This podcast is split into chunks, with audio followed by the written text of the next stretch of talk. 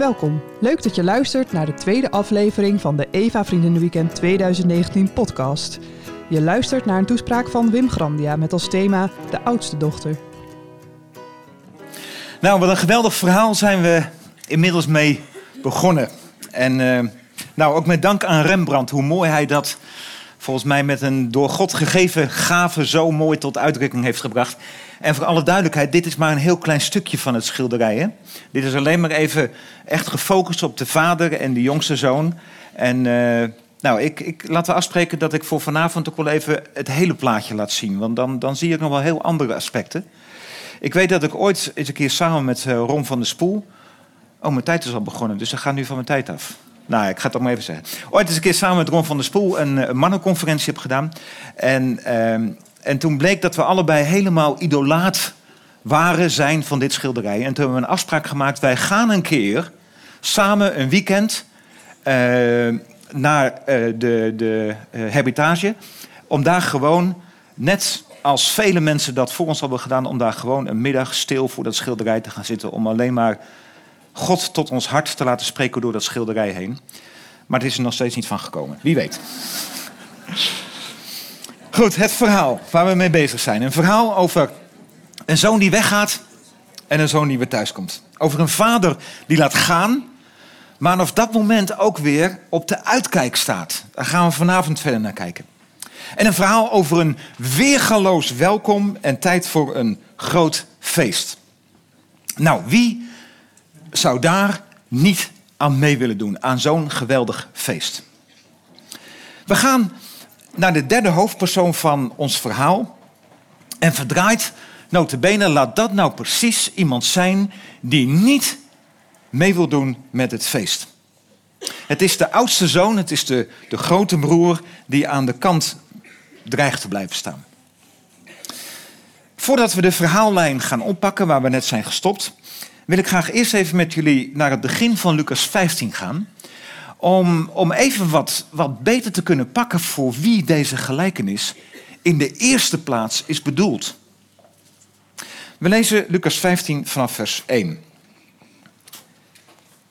Uh, dan moet hij wel klikken nu. Hij doet het niet, eh, Michael. Ja, daar komt hij aan. Ik moest even wakker worden. Uh, we lezen Lucas 15, vers 1. Zo, wordt eigenlijk het hele verhaal ingeleid.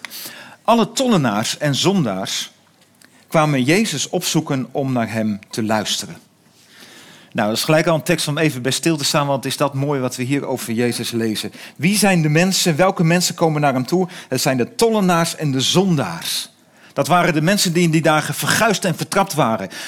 Die veroordeeld werden, die eigenlijk achter in de tempel moesten blijven, omdat ze niet heilig genoeg waren. Deze mensen willen heel graag bij Jezus zijn. Want bij Jezus horen ze woorden die zo vol met genade en waarheid zijn. Zo vol met aanvaarding en vergeving zijn. Zo vol met, met liefde en, en bevrijding. Maar dan gebeurt er iets. En, en, en alsof tegelijk opeens even een soort donkere wolk voor de zon verschijnt. Vers 2. Maar zowel de fariseeën als de schriftgeleerden, zeg maar de geestelijke elite van die dagen, zeiden morrend tegen elkaar: die man ontvangt zondaars en eet met hen. Zie je het misprijzende gezicht een beetje voor je. En hoe Jezus dan reageert, dat lezen we in vers 3. Jezus vertelde hun toen deze gelijkenissen. En dan volgt eerst de gelijkenis van het verloren schaap. Dan volgt de gelijkenis van de verloren penning. Ik neem aan dat je die wel kent. En dan afsluitend Ehm, de gelijkenis van de verloren zoon, die wij dus vandaag de gelijkenis van de wachtende vader noemen. De gelijkenis van het verloren schaap sluit af met deze woorden, Lucas 15, vers 7. Ik zeg u, zo zal er in de hemel meer vreugde zijn over één zondaar die tot inkeer komt dan over 99 rechtvaardigen die geen inkeer nodig hebben. Ik denk dat die fariseeën en die schriftgeleerden hem hier al een beetje gaan aanvoelen. Weet je waarom? Zij hadden een hele andere uitspraak in die dagen. Er zal, meer er zal vreugde zijn in de hemel over één zondaar die wordt verwijderd. En Jezus zegt hier precies het tegenovergestelde. Vreugde in de hemel over één zondaar die tot inkeer komt. En dan die gelijkenis van de verloren penning, die sluit Jezus met deze woorden af. Die hebben we net al gelezen als inleiding op de volgende gelijkenis. Zo zeg ik u, heerst er ook vreugde onder de engelen van God over één zondaar die tot inkeer komt. De fariseeën en de schriftgeleerden, ze gaan nog zaggerijniger kijken. En dan als klap op de vuurpauw gaat Jezus dat verhaal vertellen van die vader met zijn twee zonen. Waarbij de jongste zoon het voorbeeld is van zo'n zondaar die ze bekeert tot God, waardoor er feest is in de hemel en er gaat ook een geweldig feest op aarde gevierd worden. Wauw, en vanavond gaan we daar een voorproefje van krijgen. Maar dan gaat het verhaal verder.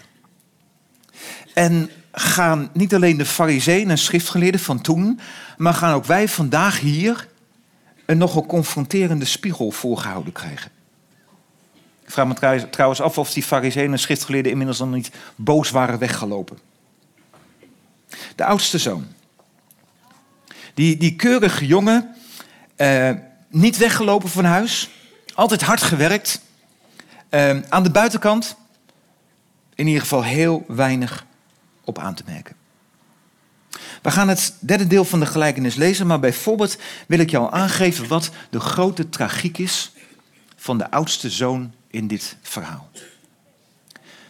Hij was zo dicht bij huis. Sterker nog, hij is nooit weggelopen geweest.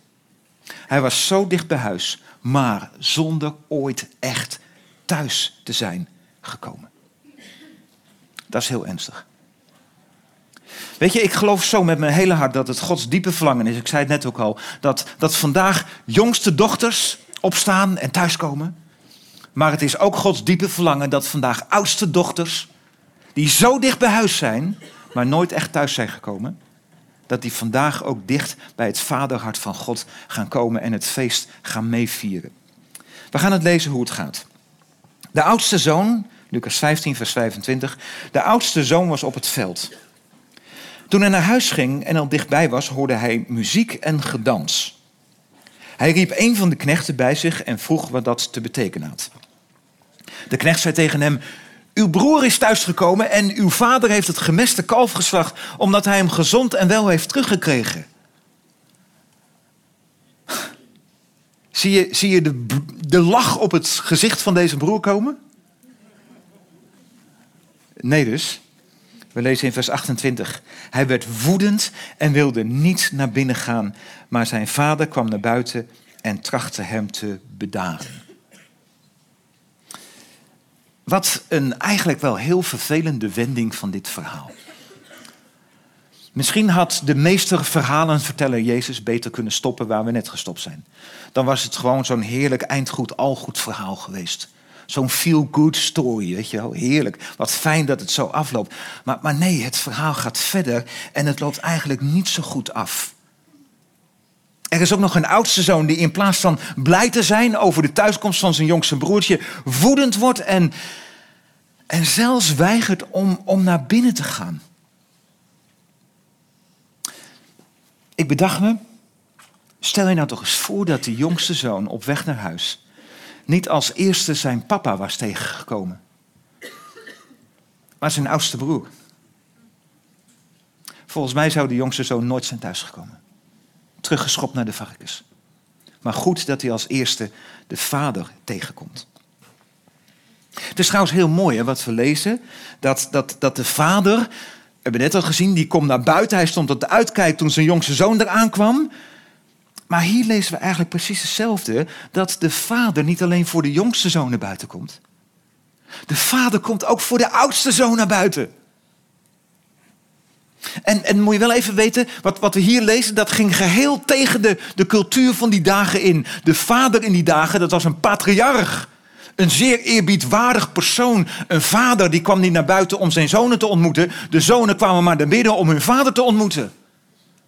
Hier wordt eigenlijk een beeld neergezet van een vader die beneden zijn waardigheid handelt.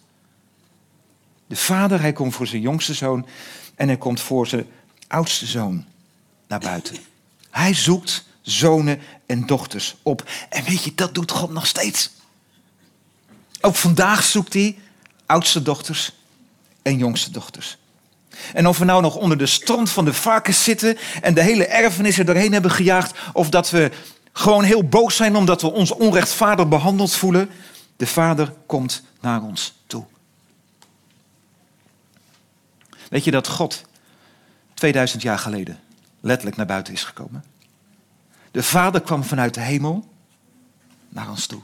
Hij kwam naar buiten. Hij verliet de hemel in zijn zoon, Jezus Christus, die de hemelse heerlijkheid achter zich liet. En hij kwam onder ons wonen. Hij werd mens. De Vader is naar ons toegekomen. Hij is naar buiten gekomen, ook voor jou. En het klinkt misschien een beetje cliché, maar clichés zijn meestal zo waar. Hè? Daarom zijn het clichés. Als jij de enige dochter op aarde zou zijn geweest, dan zou de Vader alleen al voor jou naar buiten zijn gekomen. Zo waardevol en zo kostbaar ben je voor Hem. En dan ontstaat er een, een wat merkwaardig gesprek tussen, tussen die vader en die oudste zoon. Eerst de oudste zoon, schijnbaar inmiddels een beetje bedaard. En dan zegt hij tegen zijn vader het volgende. Al jarenlang werk ik voor u en nooit ben ik u ongehoorzaam geweest als u mij iets opdroeg. En u hebt mij zelfs nooit een geitenbokje gegeven om met mijn vrienden feest te vieren. Maar nu die zoon van u is thuisgekomen, hoor je de minachting, die uw vermogen heeft verkwanseld aan de hoeren, hebt u voor hem het gemeste kalf geslacht. Wat een diepe verontwaardiging hier. Wat een diepe frustratie. Weet je, weet je wat mij zo is opgevallen? Kijk, je kunt van die jongste zoon zeggen wat je te zeggen hebt en vinden wat je, wat je wilt vinden. Maar die jongste zoon, toen hij voor de eerste keer bij zijn vader kwam om een deel van de erfenis op te eisen, hoe sprak hij zijn vader aan? Vader. En toen hij thuis kwam met alle rotzooi bij zich, hoe sprak hij zijn vader aan? Vader. We lezen het in het hele verhaal geen ene keer dat de oudste zoon zijn vader aanspreekt met vader. En dat zegt iets. Hij wil zelfs zijn eigen broer niet broer noemen. Hij omschrijft hem, die zoon van u. Ik heb hem geprobeerd voor te stellen wat er hier aan de hand is. Waar wringt de schoen bij deze oudste zoon? Het is aan de buitenkant allemaal zo mooi. Hij deed plichtsgetrouw zijn werk. Hij is nooit ongehoorzaam geweest. Eigenlijk de ideale schoonzoon. Laten we eerlijk zijn. Weet je, ik geloof het echt. Als zo'n man, ik ben voorganger van een gemeente, als zo'n man in mijn gemeente zou rondlopen, dan zou die al lang oudste zijn geweest. Dit zijn toch de mannen die je zoekt? Zulke toegewijde, uh, eerlijke, hardwerkende mannen. En toch, je proeft het, hè? De, er mist iets bij deze, bij deze broer. Zal ik het zeggen? In één woord? Relatie. Ik mis gewoon in, in dat hele verhaal, in die hele conversatie tussen de vader en de oudste zoon, ik mis gewoon een intieme, oprechte, eerlijke vader-zoon relatie. Voor jullie vader-dochter relatie. En weet je dat die oudste zoon dan de vader niet aanspreekt als vader? Ach, misschien lag hem dat niet zo. En sommige mannen vinden dat moeilijk om dat soort woorden uit te spreken. Maar, maar, maar even los daarvan, weet, weet je wat ik proef bij, bij deze oudste zoon? En dan gebruik ik maar even de woorden die de profeet Jezaja al honderden jaren daarvoor had uitgesproken om denk ik hetzelfde probleem van het hele volk Israël onder woorden te brengen. Lees het maar mee omdat dit volk mij naar de mond praat, mij slechts met de lippen dient, terwijl hun hart ver bij mij vandaan is. Omdat hun ontzag voor mij louter plicht is, slechts aangeleerd en door mensen opgelegd is. Het gaat me vooral om dit zinnetje. Terwijl hun hart ver bij mij vandaan is. Weet je, je kunt, je kunt als oudste zoon zo dicht bij huis zijn. Al die jaren. Zo plichtsgetrouw, zo hardwerkend, zo toegewijd, alles klopt. En tegelijkertijd kan het zijn dat je hart heel ver van God vandaan is. Spreuken 23, vers 26 zegt: Mijn zoon, mijn dochter, Geef mij je hart. Dat is waar God in geïnteresseerd is. God vraagt je vanmorgen niet wat je allemaal voor hem doet. Misschien heb je wel een hele indrukwekkende lijst. God vraagt niet wat je allemaal van hem weet. Misschien heb je wel theologie gestudeerd. Weet je alles over God te vertellen. God vraagt je ook niet hoe gehoorzaam je precies wel en niet bent en wanneer en zo. En God vraagt naar jouw hart. God vraagt naar jouw liefde. God wil een, een liefdesrelatie met zijn zonen en met zijn dochters. Waar is je hart? Nog even terug naar wat die zoon tegen zijn vader zegt. Hij zei, al jarenlang werk ik voor u. Opvallend dat in het Grieks wordt daar het woord doulos gebruikt. Dat is het Griekse woord voor slaaf. En als je, het, als je het even iets uitgebreider en letterlijk vertaalt, dan staat er eigenlijk dit. Dan zegt die zoon dit tegen zijn vader. Al jarenlang werk ik voor u als een slaaf. En nooit ben ik ongehoorzaam geweest als u mij iets opdroeg. Volgens mij komen we steeds dichter bij de kern van wat er ontbreekt bij deze oudste zoon. Hij had geen relatie met zijn vader, maar hij zag zichzelf als een slaaf. Zo beleefde hij het schijnbaar en zo leefde hij ook. Maar wat schrijft Paulus in Galaten 4, vers 7? U bent geen slaven meer. Wil je dit even heel goed laten binnenkomen nu? Alsof God het je nu even persoonlijk influistert. Mijn geliefde dochter, je bent geen slavin meer. Dat is verleden tijd. Je hebt het gisteravond gezien. De slavernij is afgeschaft in het koninkrijk van God al veel eerder. Je bent geen slavin meer. Je bent nu een kind van God. En als zijn kinderen bent u erfgenamen door de wil van God. En wat schrijft Paulus in Romeinen 8, vers 15? Want u hebt niet de geest van slavernij ontvangen, die opnieuw tot angst leidt, maar u hebt de geest van aanneming tot kinderen ontvangen, door wie wij roepen, Abba, Vader. Weet je wat mij opvalt? Ik ben zelf ook vader, dus ik, ik spreek uit eigen ervaring. Ik ben inmiddels ook al een aantal keren opa. Maar wat, wat is het eerste woordje dat papa's en mama's graag willen horen. En ze doen er ook alles aan dat dat ook echt het eerste woordje wordt. Papa. Of in jullie geval, mama, als je mama bent. Dat is het eerste woordje wat we zo graag willen horen. Weet je wat het eerste woord is wat de geest ons wil leren? Abba. Gewoon, het, het klinkt ook zo, zo klein, hè? zo intiem. Papa. Abba is het Aramese woord voor papa. God wil dat we hem zo benaderen als zijn dochters, als zijn zonen. Dat we tegen hem zeggen niet, oh, almachtige Heer, schepper van de hemelen. Ja, dat is hij ook, nogal. Maar God wil dat we hem benaderen en de geest wil ons als eerste woordje leren nadat we een kind van God zijn geworden. Abba. Ik had van de week een gesprek met een echtpaar. Dat echt heel erg in de problemen zit. Hele verdrietige dingen spelen in hun leven. En op een gegeven moment vroeg ik, de man is een, is, een, is een econoom, heeft een hoge functie in het bedrijfsleven, loopt altijd in driedelig kostuum en zo. Echt iemand tegen wie je opkijkt. En, en ik vroeg ze op een gegeven moment. En, en waar is God nou in, in dit verhaal, wat jullie me vertellen? En ik zag de tranen in zijn ogen springen en hij zei: Papa is zo dichtbij. En ik dacht even: Papa, wie. Ja, natuurlijk, papa. Abba is zo dichtbij. Ik denk, kijk, dit is eh, in ieder geval geen oudste zoon. Papa, dat is het woord dat we naar God toe mogen uitspreken. God wil geen heer-slaafrelatie met ons. God wil een vader-dochterrelatie. Een pure, zuivere, eh, gezonde, genezende, bevrijdende vader dochterrelatie. Dat is waar God naar verlangt. Een relatie waarin geborgenheid en aanvaarding en, en genezing mag worden ervaren onder zijn vleugels.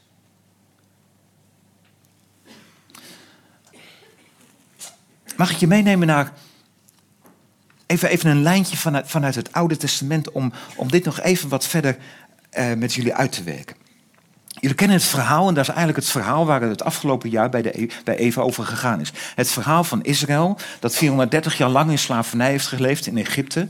Maar op een dag, eh, onder leiderschap van Mozes, wordt bevrijd en dan door de woestijn op weg gaat naar het beloofde land. 430 jaar lang leeft het volk in slavernij, maar God bracht ze naar het beloofde land met de bedoeling dat ze daar zouden leven in vrijheid als zonen en dochters van de levende God. Dat was Gods plan. Dan komen ze aan het beloofde land. En dan honderden jaren later, al na de, de ballingschap, een deel van het volk is alweer teruggekeerd in Jeruzalem en de muren zijn hersteld. En dan, en dan is er een soort, een, soort, een soort bijeenkomst op een van de pleinen van Jeruzalem. En Nehemia, die spreekt dan een gebed uit. En moest kijken wat Nehemia dan moet bidden naar God toe. Namens al die mensen die bevrijd waren vanuit Egypte en nu leefden in het beloofde land van vrijheid. Waar je mag leven als zonen en dochters. Moest kijken wat Nehemia dan tegen God moet zeggen. Kijk naar ons, o God. Nu zijn wij slaven. In het land dat u onze voorouders hebt gegeven om er te eten en van de vruchten en van al het goede dat het opbrengt. In dat land zijn wij slaven. Ongelooflijk. Dus deze mensen waren in het beloofde land gebracht. Het beloofde land, Jezus zegt daarover, ik ben gekomen opdat jullie leven hebben in overvloed. Dat is ons beloofde land. Maar in werkelijkheid leefden ze nog als slaven. Ze leefden in het beloofde land, maar bleven in een slavenhok.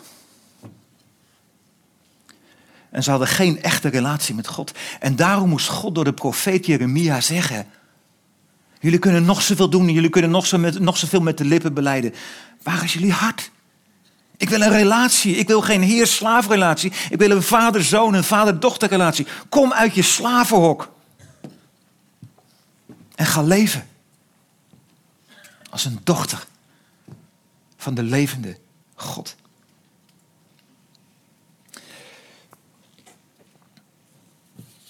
Weet je wat, wat ik zo'n mooi moment vind in het leven van Jezus? Hij wordt gedoopt in de Jordaan.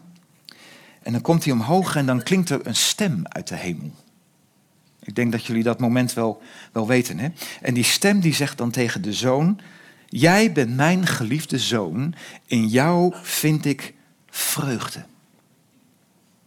Het werd vanmorgen al even gezegd dat als we in Christus zijn, dat God dan naar ons kijkt. Ben zei het in zijn video. Dat, dat als God naar ons kijkt, dat hij eigenlijk zijn zoon in ons ziet. Met andere woorden, als God tegen zijn eigen zoon zegt: Jij bent mijn geliefde zoon, en jou vind ik vreugde. Kun je het geloven, kun je het pakken op dit moment, dat als God nu naar jou kijkt, dat hij zegt, en volgens mij heeft hij dan een paar heilige tranen in zijn ogen. Jij bent mijn geliefde dochter, in wie ik vreugde vind. Jij bent niet mijn slavin. Nee, jij bent mijn geliefde dochter. Nog even terug naar die oudste zoon. Ik zie nog wel een paar andere dingen in zijn leven die, die hem zo belemmeren om, om echt een relatie te hebben, om, om naar binnen te kunnen gaan, om feest te kunnen vieren, die hem zo dicht bij huis houden zonder ooit echt thuis te komen. Weet je wat ik ook zie in, in het hart van deze oudste zoon? Hij is zo veroordelend. Hij verheft zich zo boven zijn, zijn broertje. Hij is de good guy en, en zijn broertje is de bad guy. Als je een beetje doorbladert in Lucas, dan kom je een moment tegen waarop je eigenlijk deze gelijkenis van de oudste en de jongste zoon in de praktijk ziet plaatsvinden. Het gaat weer over een fariseer, die is in een tempel. En die zegt dan dit tegen God. God, ik dank u dat ik niet ben zoals de andere mensen, want die zijn oneerlijk. Ze stelen en ze gaan vreemd. En ik dank u dat ik niet ben zoals die tollenaar daar, als die jonge broer die net is thuisgekomen. Maar achter in de tempel, daar staat hij inderdaad. Intussen stond de tollenaar helemaal achter in de tempel. Hij durfde zelfs niet omhoog te kijken. Hij huilde en zei: God, ik ben een slecht mens. Heb medelijden met mij. En als je niet gelooft, moet je nalezen. Maar wie wordt vervolgens door Jezus gerechtvaardigd verklaard? De fariseer? Nee, de tollenaar. Wat een geweldig verhaal. Nog iets wat mij opvalt. In, in het hart van de oudste zoon. Het is een hart dat is vervuld met bitterheid. Hij is verbitterd over, over het gedrag van zijn jongste broertje. Hij schaamt zich voor zijn broertje.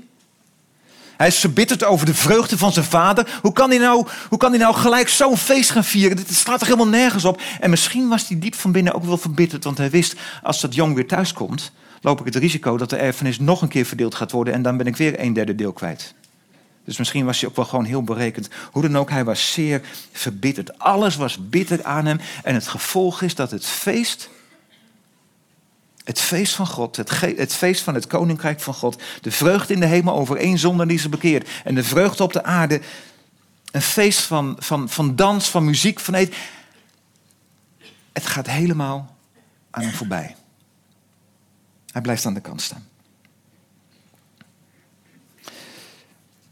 Weet je wat Job, iemand die misschien wel een beetje recht van spreken had, weet je wat Job op een dag zegt over, over bitterheid?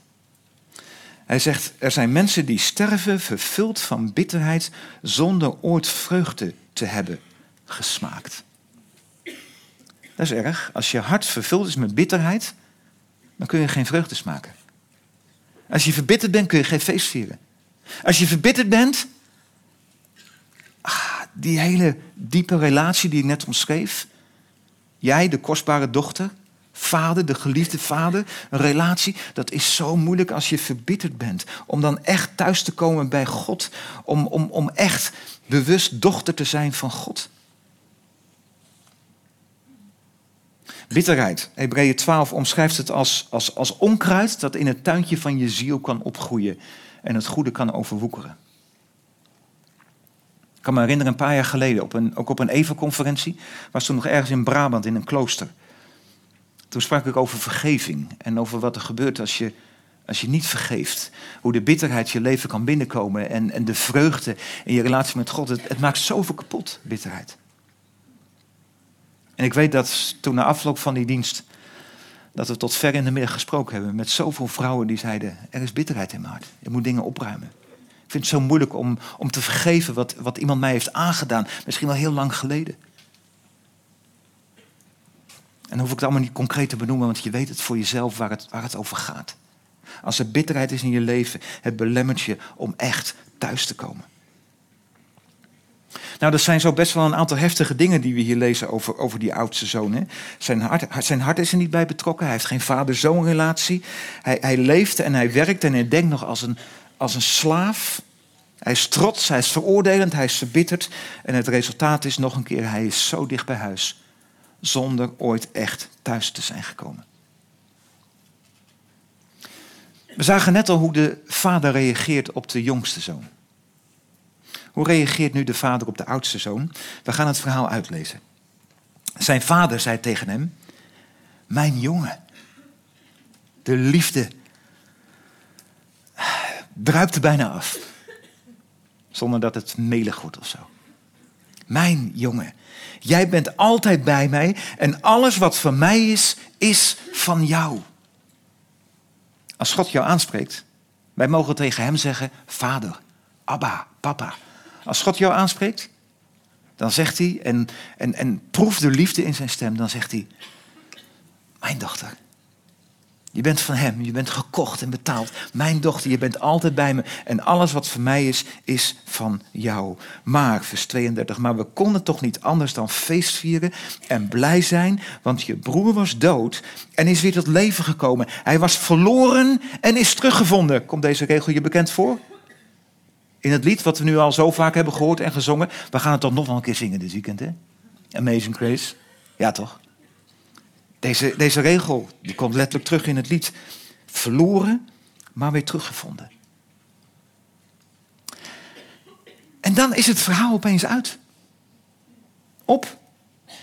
Niet af. Ik, ik, ik heb bij dit verhaal altijd een beetje het gevoel. Ik weet niet of je dat herkent, dat je naar een film gaat in de bioscoop. En, en het is een bloedstollende film. En, je, en, en, je, en je, je zit gewoon te wachten, maar de laatste vijf minuten gaan alle dingen op zijn plek vallen. Dan worden alle vragen die je hebt beantwoord. Maar je hebt soms van die films, dat zijn vooral volgens mij van die Franse films. Die hebben zo'n open einde. En dan ga je naar huis en je hebt eigenlijk zoveel vragen. Nou, dat gevoel, heb ik een beetje bij deze gelijkenis. Hoe zou het aflopen met die oudste zoon? Ik denk dat Jezus heel bewust, hij was een meesterverteller. Ik denk dat Jezus heel bewust het verhaal zo openlaat. Kijk, de jongste zoon, dat is, dat is af. De, de zeg maar, buitenkant zondaar, hij komt tot bekering, hij staat op en gaat terug naar zijn vader en het feest kan beginnen. Maar het verhaal van de oudste zoon blijft open. Zeg maar de meer de binnenkant zondaar. Deze oudste zoon, de fariseeërs en de schriftgeleerden, ze hadden zich heel erg herkend. Maar misschien herken jij je ook wel als oudste dochter. Jezus laat het heel bewust open om ons te prikkelen, om, om een open vraag ook vanmorgen hier in ons midden neer te leggen. Ik geloof dat die vraag nog steeds geldt ook voor vandaag. En wat ga jij ermee doen? De vader, en we begonnen daar vanmorgen mee met het mooie lied. De vader staat met open armen klaar. Voor jongste dochters en voor oudste dochters. En de vraag is, wat doe je? Blijf je buiten staan? Of wordt het tijd om als geredde zoon, dochter, no longer slave, om als geredde zoon, dochter naar binnen te gaan en om het feest te gaan vieren? Als je je herkent in het verhaal van de jongste zoon, je bent misschien heel ver van huis. Je leeft zonder God. Je leeft in zonde. Je bent eigenlijk wanhopig en vastgelopen en verloren. En misschien ben je al voor de zoveelste keer weggelopen in je leven. Dan wil ik je vanmorgen zeggen, kom tot jezelf. Kom tot bezinning. Neem een besluit. En sta op en ga terug naar de Vader. Hij wacht op je. Hij wacht op je. Hij verlangt al zo lang naar je. Of als je je meer herkent in het verhaal van de oudste zoon, je bent een oudste dochter, blijf niet langer buiten staan. Weet je, je kunt zo keurig leven en zo religieus zijn en zo kerkelijk zijn, je kunt je ding doen. Maar als je nog buiten staat, dan mis je het. Kom tot de Vader. Jongste dochters, kom tot de Vader. Oudste dochters, kom tot de Vader. Hij wacht op jou. Maar dan nog één ding, en dat wordt de inleiding op vanavond. Want Minelle zei al, vanavond gaan we feest. Vanavond gaan we worden uitgenodigd om aan tafel te komen. Zoals Psalm 23 dat zo mooi zegt. Hij nodigt mij uit aan zijn tafel. Maar, maar even, ik ga nu het verhaal een beetje invullen, want het staat er niet. Maar ik weet zeker, die, oudste, die jongste zoon kwam binnen, onder de varkenspoep en stinkend en weet ik het allemaal. Denk je echt dat hij gelijk aan tafel komt? Ik ben opgevoed met eerst handen wassen. Nou, volgens mij had, had hij een hoge drukreiniger nodig. Hij moest vooral van buiten gewassen worden, van al zijn buitenkantse zichtbare zonde. Maar die oudste zoon, ik hoop zo, het is maar een verhaal, oké, maar ik hoop zo dat die oudste zoon na enige bezinning ook naar binnen is gegaan. En zie het even voor je. Uiteindelijk is hij binnen en de oudste zoon en de, en de jongste zoon, ze staan daar naast elkaar en ze geven elkaar een huk. Maar eigenlijk zijn ze allebei vies. En ze kunnen niet zomaar aan tafel. Weet je wat het eerste is wat God, de Vader, doet als zonen en dochters thuiskomen, voordat ze aan tafel gaan? Hij reinigt ons. Hij reinigt ons van al onze zonden, van al onze schuld. Door het bloed van Jezus Christus worden we gereinigd, zegt Johannes. Als we vanavond feest gaan vieren, als we aan tafel gaan, hebben we reiniging nodig. Mag ik nog één tekst noemen? Een hele mooie tekst uit het Oude Testament. Ezekiel, uh, even terug. Ezekiel 36, vers 25. Ik zal zuiver water over jullie uitgieten om jullie te reinigen van alles wat onrein is, van al jullie afgoden. En dan gaat het verder. Ik zal jullie een nieuw hart geven en een nieuwe geest geven. Ik zal je versteende hart uit je lichaam halen en je een levend hart voor in de plaats geven. Maar vooral deze zin. Ik zal zuiver water over jullie uitgieten om jullie te reinigen van alles wat onrein is, van al jullie afgoden. Ik weet niet wat jouw leven onrein heeft gemaakt. Ik weet niet wat jouw afgoden zijn. Maar ik weet wel, als we worden uitgenodigd om vanavond aan tafel te komen bij Vader, om het feest te gaan vieren, dan wil God ons zo graag reinigen. Dat is iets wat van binnen gebeurt, in ons hart. Maar we gaan het zichtbaar maken. We houden ervan bij Eva. Dingen zichtbaar maken, dingen visualiseren, om het nooit meer te vergeten. Je krijgt straks heel concreet de gelegenheid. Er staan een aantal schalen klaar met water. En je krijgt straks heel concreet de gelegenheid om je handen even in dat water onder te dompelen. Om je handen te laten reinigen als een beeld van de reiniging die je in je hart nodig hebt. Misschien moet je gereinigd worden van hele concrete zonden in je leven. Van verslavingen. Van dingen die in je leven spelen waar misschien wel niemand iets van weet, maar God weet het. En hij verlangt ernaar om je vandaag vrij te maken. Misschien moet je bevrijd worden van je trots, van je bitterheid. Van je veroordeling, van al die dingen die de oudste zoon zo kenmerkten. Wat het ook is. Je mag straks gewoon als een, als een symbolisch gebaar, als een uiterlijk, uiterlijke handeling van iets wat van binnen gebeurt. Mag je naar een van de plaatsen gaan waar die schalen staan met water en mag je je handen laten reinigen met water. Zodat je vanavond mee kunt vieren de tafel van de Heer. Heb je genoten van deze podcast? Schrijf je dan in voor de Eva Nieuwsbrief en blijf op de hoogte van de laatste nieuwtjes, mooiste artikelen en nieuwe podcast. Ga naar eva.eo.nl/nieuwsbrief.